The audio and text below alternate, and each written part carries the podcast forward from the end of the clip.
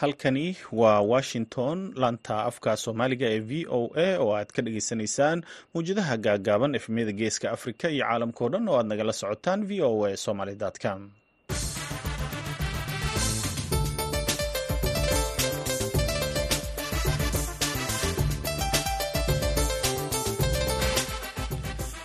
Subax wanaagsan dhegaystayaal waa sabti labada bisha maarj sanadka iyo afar iyo labaatanka. Idaacadda saaka iyo caalamka waxaa idinla socodsiinaya anigoo ah cabdulqaadir maxamed samaka.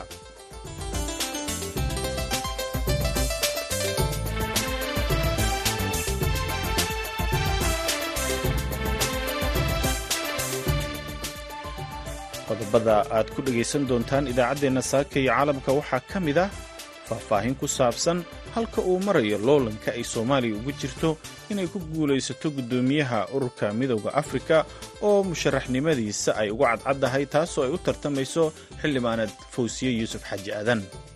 Kursigaas gacanteenu ku jiraa because east africa iskale oo maaragtay waa rotation waa wareegto shanta region ee africa regionka bariga markan iskale haweenkana aad baa loo danaynayaa waxaana iska jira heshiis aan ahayn qoraal laakiin ah in marna haween qabto marna rag hadda sideedii sano u dambeysay rag baa qabtay.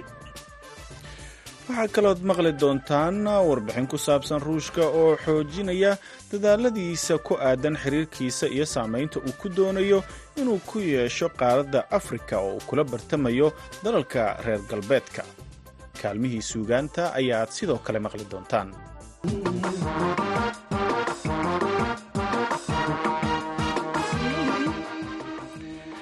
ciyaarihii ayaad sidoo kale xalay dhacay iyo kuwa maanta dhacaya ayaana sidoo kale ka mid ah balse intaasoo dhan waxaa ka horreeya warkii dunida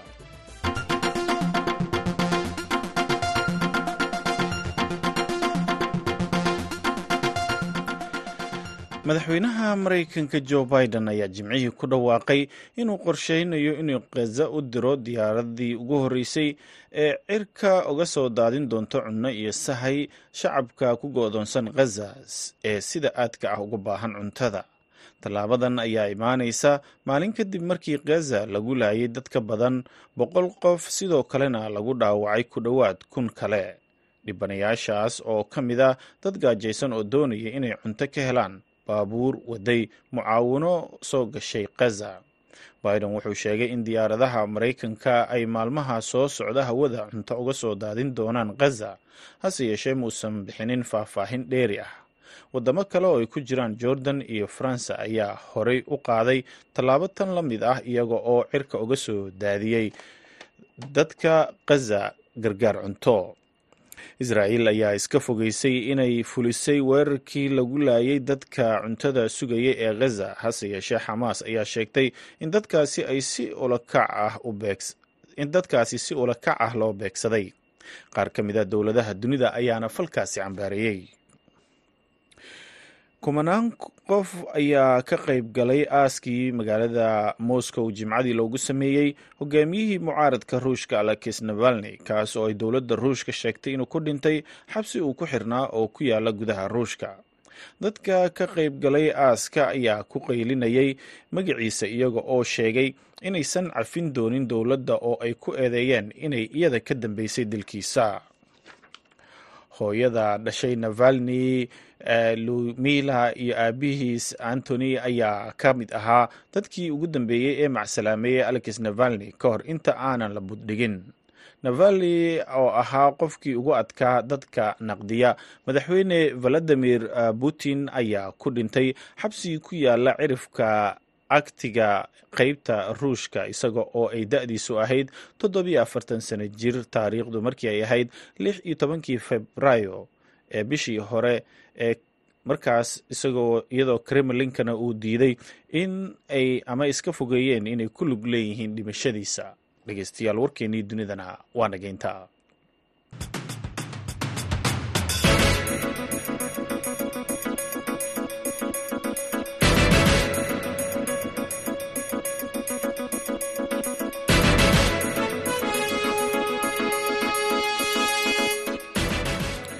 halka aad warkaasi ka dhagaysanayseen waa idaacadda v o a oo idinkaga imaaneysa washington subax wanaagsan mar kale dhegeystayaal aan ku bilownay dowladda soomaaliya ayaa dadaal ugu jirta inay ku guulaysato jegada guddoomiyaha ururka midooda afrika oo uu hadda ku fadhiyo muuse faki. Soomaaliya oo la sheegay inay ka mid tahay musharaxiinta ugu cadcad ee kursigan ayaa waxay u soo xulatay wasiirkii hore ee arrimaha dibadda xildhibaanad fawsiye yuusuf xaji aadan waxaa la tartamaya rayla odinga oo kenya ay u wadato inuu kursigan ku matalo maadaama jagada ay sanadkan leeyihiin dalalka bariga afrika sida la sheegay.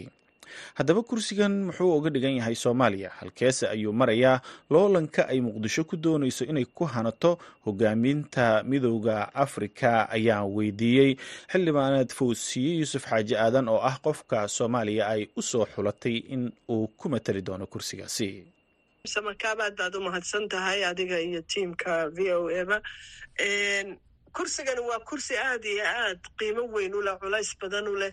Sidaad ka arkaysaan loo wada tartamayo dowladihii madaxweyneyaashii wareegayaan si ay kursigaa cod ugu helaan innaga faa'iidada ugu weyn uu soomaaliya u leeyahay waxa weeye soomaaliya.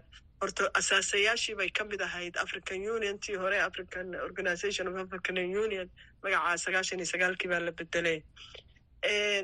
Waa kursi muhiim weyn geeska africana uleh africa oo dhanna u leh. Shan iyo konton dowladood baa halkaa isugu yimaada. Danahooday kaga hadlaan. Adduunka siay ugu waajahayaan bay kaga hadlaan. Caalamka kalena xiise badan badan badan u qaba. Waa kursi ka qiimo badan wax walba. Aniga waxaan u arkay doorashadii ka horreysay tanna waa rabay. Muuse fakey markuu galayo doorashadii horena waa rabay laakiin jaanisku ima siinin. Iminkana muddo waxaan sugayo inta doorashada la soo gaarayo waa kursi aan is leeyahay haddii halkaa aan ku fadhiisto. Faan waxay u tahay waxtar weynna u tahay soomaaliya iyo dadka ummadda soomaaliyeed. Waa kursi aan is leeyahay wax weyn baa afrikana dumarka aad loo xiiseeya oo aada loo xiiseynayaa hadda ay aan uga qaban karo maadaama foreign minister soo ahaa in badan diblomaasiyadda ku soo jiray wax badan wasaaradda arrimaha dibadda dalal badan uga soo shaqeeyey waxaan is leeyahay khibraddeedana waad leedahay aqoontii iyo khibraddii iyo waxaan is leeyahay tallaabooyin culculus oo aan ka qaadi karo awgeed taasaa igu kaliftay horta inaan ku fakaro waana waxaan is leeyahay waxa ummadda maanta soomaaliya xaaladda haysata ummadda soomaaliyeed aan wax weyn weyn weyn uga tari karo. Afrikana iyo haweenka afrikana aan meel weyn gaadhsiin karo. Waa gartay xildhibaan waxaad sheegtay in kursigan muhiim uu yahay aada u tartamayso adigoo weliba soomaaliya ugu tartamaya. Marka yaa kale oo kugula tartamaya kursigan uu hadda ku fadhiyo muuse faki kursiga waxaa hadda inta isa shaacisay waa aniga iyo raila odinga ra'iisul wasaarihii hore kenya maxay ahayd dowladda kenyana aada iyo aada ugu helantao madaxweyneyaashii wareegayaan oo kolba dal tegayaan oo wufuud aada u culculus loo diraayo dalalkii kale si kursigaa ay kenya u hesho. Waxaan is leeyahay haddii dadaalkaa mid leeg aan samayno iyo xataa barhkii aan samayno soomaali haddaynu nahay kursigaas gacantaynu ku jiraa because east africa iskale oo maaragtay waa rotation waa wareegto shanta region ee africa regionka bariga markan iskale haweenkana aad baa loo danaynayaa waxaana iska jira heshiis aan ahayn qoraal laakiin ah in marna haween qabto marna rag hadda sideedii sane u dambeysay rag baa qabtay waxay ku xidhan tahay tartankayga sidaan u galo iyo sidaan uga bixi karo laakiin banaanku iska yaallaa kursigaas aniga sidaan aaminsanay waddamada codayn doona ee ku jira ee midooda africa taageero intee lag ayaad ka haysataa oo oo rajada aad sheegtay kursiga gacan ayuu ku jira ayaa tiri. Maxaad isku hadlaynaysaa oo taageero ah kursigaas waa noo dhowya yaana little ma lihi gacan buu ku jiraa hadda. Laakiinse inaan jaanis weyn leenahay baa muuqata. Jaraa'idyadu waxay qorayaan iyo sida maaragtay looga faalloonayo dalal badan waa isla hadallo. Aniga shirkii african hadda dowladda ra'iisul wasiir wasiirka sihayaha wasaaradda arrimaha dibadda iyo anagu shirar badan baanu dowlado badan la galay. Ballanqaadyadaynu haysanaa waa badan yihiin laakiin intaa kuma hal sanaa ka hadhay maalinta doorashada dabagal bay u baahan tahay iyo in la sii daba socdo in laga daba tago laakiin challengeka ragga ila tartami doona haddii ay ka bataan raila odinga iyo hadduu keligii yahayba challengeka ka hor imanaya ka badan ka aniga iga hor imanaya siday u muuqato fawsiya ee dowladda federaalk ee soomaaliya oo dagaal adag kula jirta ee kooxda al-shabaab iskuna diyaarinaysa amniga dalka inay kala wareegto ciidamada admis oo toddobiyo tobankii sano ee la soo dhaafay amniga ka taageerayay hadda waxay ololo ugu jirtaa inay qabato jegada aada musharaxa u tahay ee guddoomiyaha ee midooda africa marka kursigaasi muxuu soomaaliya uga dhigan yahay? Kursigaasi wax weyn weyn weyn weyn buu u tarayaa xaqiiqatan. Amison oo atmis oo inala joogto ciidamadayna inkastoo december haddii sidaa ay ku ekaato sidii lagu heshiiye ay noqoto ay ka dhammaanayaan dalka. Africa union baa soo dirtay. Waxaa jira department weyn oo la yidhaahdo paps ama political and security iyo department departmentkaasi wax kaleba shaqadiisa iyo mandatekiisu maaha. Waxaad moodaaba in soomaaliya oo kale loogu talagalay waa nabadgelyada waa ilaalinta maaragtay jiritaanka dalka waa maxay ahayd toy ka hortaga argagixisada waxa weeye siyaasadda iyo iyo hogaaminta iyo maaragtay good governance. Waxyaalahaas aynu u baahannahay oo dhan ayuu departmentkaasi ka shaqeeya. Marka haddii halkaas qof soomaaliya qabto in badan buu uga faa'iideynaya dalka iyo dalalka afrika ee lamidaba soomaaliya keliya maaha kursigu waa africa oo dhane laakiin soomaaliya sharaf iyo magac iyo taariikh legacy soomaaliya lixdankii sidii saddex iyo lixdankii loo asaasay hal mar bay haweysatay early toddobaatanadii ahayd. Cumar carte buu ku guulaysanin allah u naxariiste marka maanta rajadeennu aad bay u sarraysaa. Insha allah waa loo gurman doonaa soomaaliyana inay fahamto qiimaha kursigani leeyahay oo inay fahmaan baan jeclahay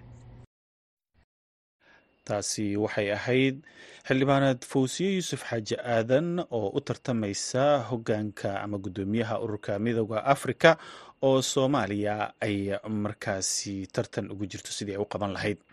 Dhinaca kalena dowladda kenya ayaa iyada wada dadaallo ay ku doonayso dhankeeda inay dowladaha midooda afrika uga dhaadhiciso sidii hogaamiyaha mucaaradka ee kenya raila odinga ay ugu dooran lahaayeen jegada guddoomiyaha midooda afrika kaasoo la tartamaya xildhibaaneed fawsiye yuusuf xaaji aadan oo soomaaliya u ordaysa.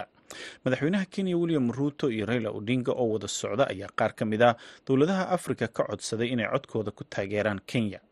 Falanqeeyaasha qaarkood ayaa ku tilmaamay taageerada uu ruuto u muujinayo damaca raila odinga ee jagadan inay tahay mid kenya ay isku dhaafinayso mucaaradnimada xooggan ee wakhtiga dheer ee raila haddaba waxaa kenya uu kursigan uga dhigan yahay iyo su'aalo kale ayaa qadar maxamuud xareed u weydiiyey axmed maxamed mooge oo falanqeeya arrimaha kenya.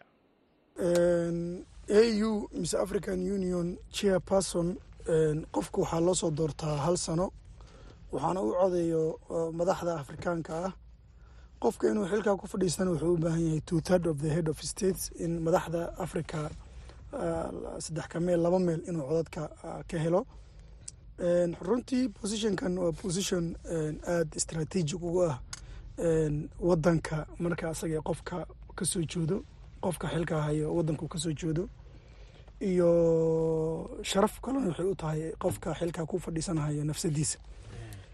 Raila odinga oo ah nin rogcada ah oo in badan soddon sano iyo ka badan ku jiray siyaasadda garoonkeeda ayaa hadda ku haminahayo inuu noqdo au chairperson waxaana kula jira dadaal aada u weyn madaxweynaha dalkan kenya ee william ruto baa kula jira dagaal uu ku doonayo inuu ku caawiyo saaxiibkiis mucaaradka xagga siyaasadda ee dalkan kenya. Halkaasoo ay ku sheegeen in ay u tahay sumcadda iyo magaca iyo imijka dalkani kenya inay kor u qaadi doonto. Haddii raila odinga uu noqdo chairpersonka qaaradani africa waxayna leeyihiin ay ku leeyihiin raila odinga waa nin u qalmo waa nin qualificationkii haysto waa nin experienced diplomat iyo leader ah marka rugcadanimadiisa iyo khibradiisa iyo ka soo shaqeynta uu la soo shaqeeyay african unionka infrastructure sector uu ka soo shaqeeyey oo ka ahaa xil kaasoo haybta infiga infi ka ahaa. Marka waxay leeyihiin waxaaso dhan marka la isku daro raila odinga wuu u qalmaa waana qualified inuu xilka asaga u istaago. Waxay sameynayaan marka loobi fara badan bay ku jiraan. Waxay kula jiraan discussion fara badan madaxdii qaaradda. Asaga naftirkiisa ma yareysto fadhiyo badan buu beryahan organise gareeyaa. Wuxuu la fadhiyey darata u horeysay madaxweynaha dariska yuweri museveni. Botswana darata joogay oo qabanqaabadeeda ku jiray. Shirka hadda u intermission ka dhacaya madaxda iyo dad ka soo qaybgeli doonta iyo lobin ku sameyn doonaan. Waxaa kaloo xusid mudan locally in support badan iyo madaxdii iyo xildhibaanadii iyo wasiiradii inay u sameynahayaan cambaign iyo mobilization fara badan. Marka ma waxay ka dhigan tahay mar haddii uu xil kenya banaanka ka ah oo qaaradda ah uu damcay ama uu rabo in siyaasaddii kenya uu ka baxayo kama macnaysto siyaasadda inuu ka baxahayo laakiin waxay ka macnaysan tahay oday qaaradeed buu noqon rabaa dadka kenya siyaasadda falanqeeyo iyo dadka khubaradana markaad runtii ay qiimeynahayaan waxay leeyihiin raila ruto waxaa ugu jirtaa maslaxadiisa oo second term inuu mar labaad electionka ku soo laabto shan sanoo kale. Dantiisu ka dhex arkayo marka inuu isdhaafiyo duqa ayuu aada u daneynaya. Laakiin soomaalida iyo madaxda kale oo kenyaatiga hadda darad u dambeysay wasiirka difaaca aadan ducaale shir uu ku qabanayay degmada faafi wuxuu muujiyey inuu taageero buuxa muslimiinta iyo soomaalida dhammaan siinhayaan inay raila xilka asaga u tartamo oona ku guuleysto. Marka xag waxaan dhihi karnaa waa isdhaafin oo siyaasadiisi iyo mucaaradkiisi iyo kuleelkiisi baa la isdhaafinhayaa dhanka kalena waxaa la leeyahay wadankii kenya bay u soo hoyatay guulo wuxuu helaa kenya helashay bal ha ku mathala wadankii bosishonka sare oo qaaradda lagu mathalahayo dowladaha qaaradda africa kalsooni intee la eg ayay kula tahay in ay ku qabi karaan raila oo ka soo jeeda kenya inuu qabto guddoomiyaha midooda africa runtii madaxdii hadda ka horeysay haddase matalan kan hadda ku fadhiya muuse afwaki oo u dhashay dalka jad markii loo fiirsho raila iyo khibradda uu leeyahay siyaasadda iyo calaaqada uu la leeyahay madaxda afrikaanka iyo taariikhdiisii xiriirka iyo mobilizationka iyo ka shaqeynta arrimaha africa iyo guulihii uu ka soo hoyeyey kenya. Sida kenyaatiga ay aaminsan yihiin waxay aaminsan yihiin inuu nin hero yahay oo constitutionkii labada kun iyo tobankii la meel mari asaga uu ka dambeeyey barnaamijkan devolutionka wadanka hadda ka jiro county countiga asaga uu ka dambeeyey in uu yahay nin aftahan eh oo macaaradka iyo kicinta shacabka ku haboon marka markaad fiirisa generally shaqooyinkii uu ka qabtay qaaradda iyo midda localka eh dadka waxay isleeyihiin leeleha waxbuu ku soo siyaadin karaa waxna uu ka bedeli karaa. Kumana xumo xagga calaaqa ahaan madaxda africa kuma xumo. Marka waxaan is leeyahay trustiga ay ku qabi karaan. Uma xumaanayo laakiin kenya oo wadan sare ah oo haddaba aada africa growthkeeda iyo dhaqdhaqaaqeeda uga muuqdo in haddana ay soo noqoto chairman personkii dhanaa african unionka kulley waxay wajihi doontaa tartan iyo iyo xurguf waddamada u arka inay tahay competitiveka oo la tartamo. Wadamo badan ayaana ku qanacsaneen qaabka a u hogaanka a u ku shaqaynayo. Waxaynu ognahay in hadda wadamo badan oo afrikaana ay ka maqan yihiin fadhiyada midooda africa sida dalka sudan oo kale. Marka arrintaasi dhaawac intee la-eg ayay u geysan kartaa? African unionka waxay ku dhisan tahay oo quwad ku leedahay member statekeeda hantida iyo waxyaalaha lagu maamula iyo dependency fara badan ooy qaaradaha kale sida maraykanka iyo chineska iyo european unionka funds ay ka sugta waa jiraan waana waxyaalaha lagu runtii ay ku ceebeysantao lagu eedeeyo. Member statekeeda donationka ay sameeyaan iyo siday u sponsor gareeyaan organizationkan ayaga ay dhisteen.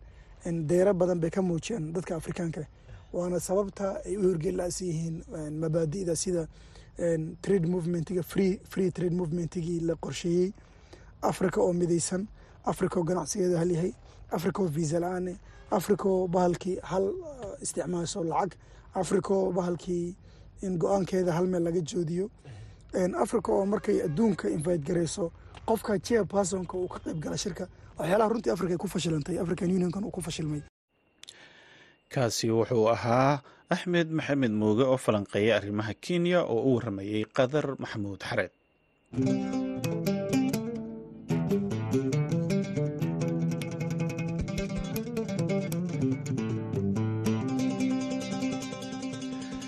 markana ruushka.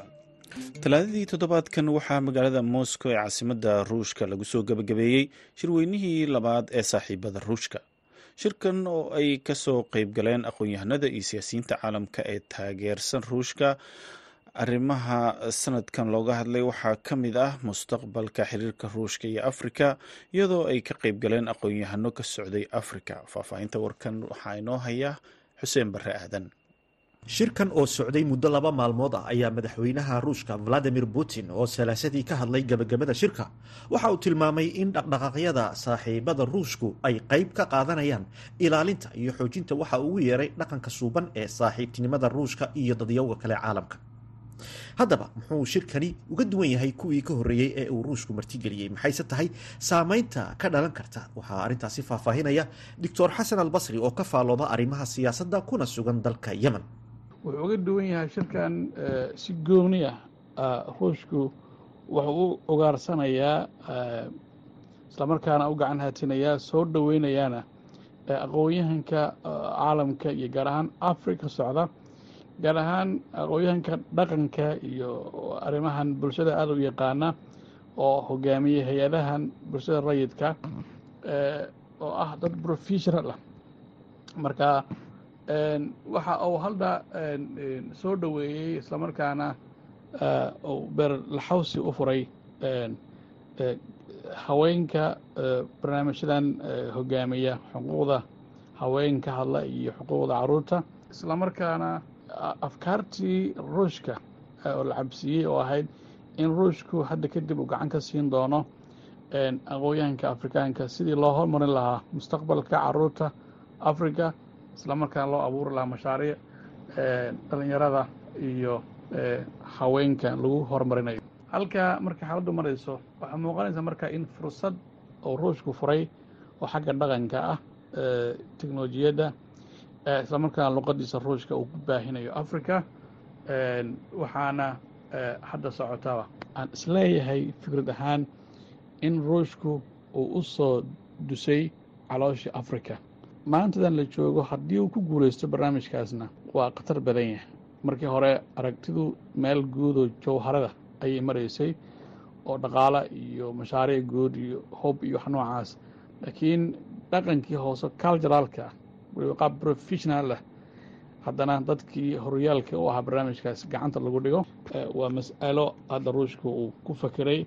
Islamarkaana haddii uu galaangal adag la sameeyo africa cid ka bixin karta ay adag tahay ruushka ayaa sanadihii u dambeeyey isku dayayey inuu xoojiyo xidhiirka uu la wadaago qaaradda afrika isagoo ku dadaalaya inuu helo saaxiibada iyo xulufada u badan ee uu heli karo. Sida uu faahfaahinayo mar kale doctor xasan albasri. Ruushku in badan wuxuu ka cabaadayey nidaamkan caalamka ee loo yaqaano world order habka sistemka caalamka lagu maamulo oo ah hal isteerin ama hal system ama nidaam dhinac u batay oo maraykanku markaa uu awooddiisa dhaqaale iyo siyaasad iyo dowladnimo iyo awooddiisa oo ku maareynayo maamulka reer galbeedkuna maraykanka ay la daba safteen. Barnaamijkaas oo markaa uu leeyahay ruushku waxaan la'nahay waxaan loo yaqaano multi polarity caalam tacadud akhtaab caalam steerinkiisa lagu dhegan yahay maraykanka maamul ahaan golaha ammaanka iyo hadday noqon lahaydba qaramada midoobe iyo hadday noqon lahaydba kelimadaha caalamka laga jeedinayo iyo awoodda isbalaarinta ah in maamulka caalamka military ahaan iyo dhaqaale ahaanba lala maamulo maraykanka oo markaa ruushku awooddiisa dhaqaale iyo midda ganacsi ayuu rabaa inuu markaa africa tusaaleeyo oo u noqdo tusaalaha koowaad ay ku dayan karaan africa si loo abuuro waxaan la dhaho brexit nations ama brexit countries. Dalal isbahaysi la ah ruushka oo isbahaysiga brexit ku soo biira islamarkaana sidaas caalamkii halka isteere maraykanka u hayay looga baxo oo markaa ay dhacdo dhaqaale ahaan iyo lacagta iyo military ahaanba in khaliifeyn kala duwan oo khaliifka ruushka iyo khaliifka chinaha iyo maraykanku dhowr khaliif oo markaa saddex meel ka wada siman oo si siman policy policy waxaan loo yaqaano ku socda.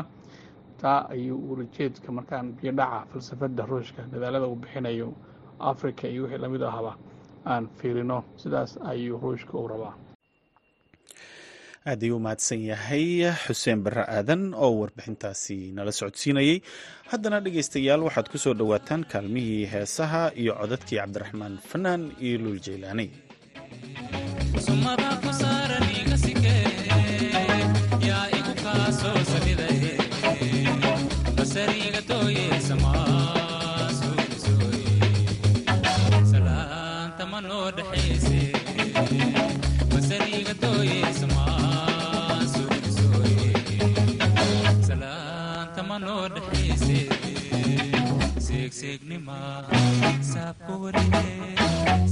seegseegnima saab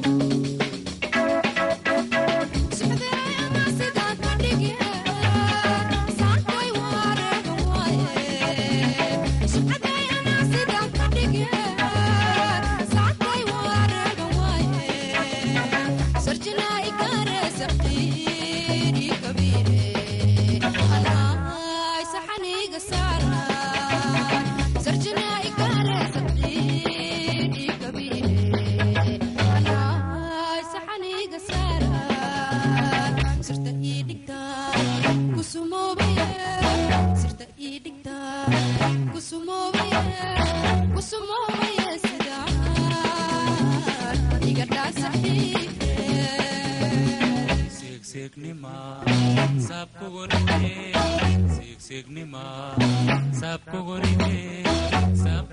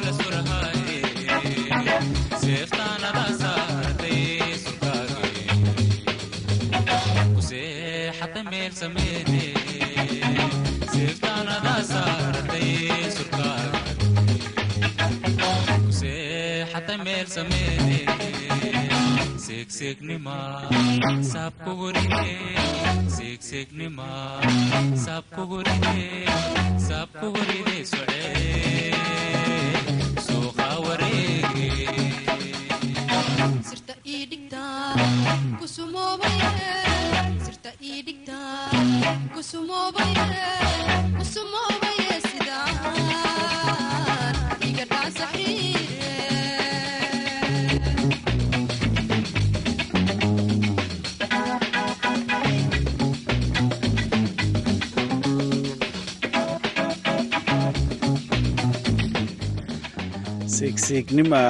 kugu rida suuqa wareegoo dhahay cabdiraxmaan fanaan iyo luul jeylaane ay ahaayeen. Heestaas ayaana u dambeysay idaacaddeenna subaxnimo. Tan iyo idaacaddeenna duhurnimo waxaan idinkaga tegaynaa sidaa iyo nabadgelyo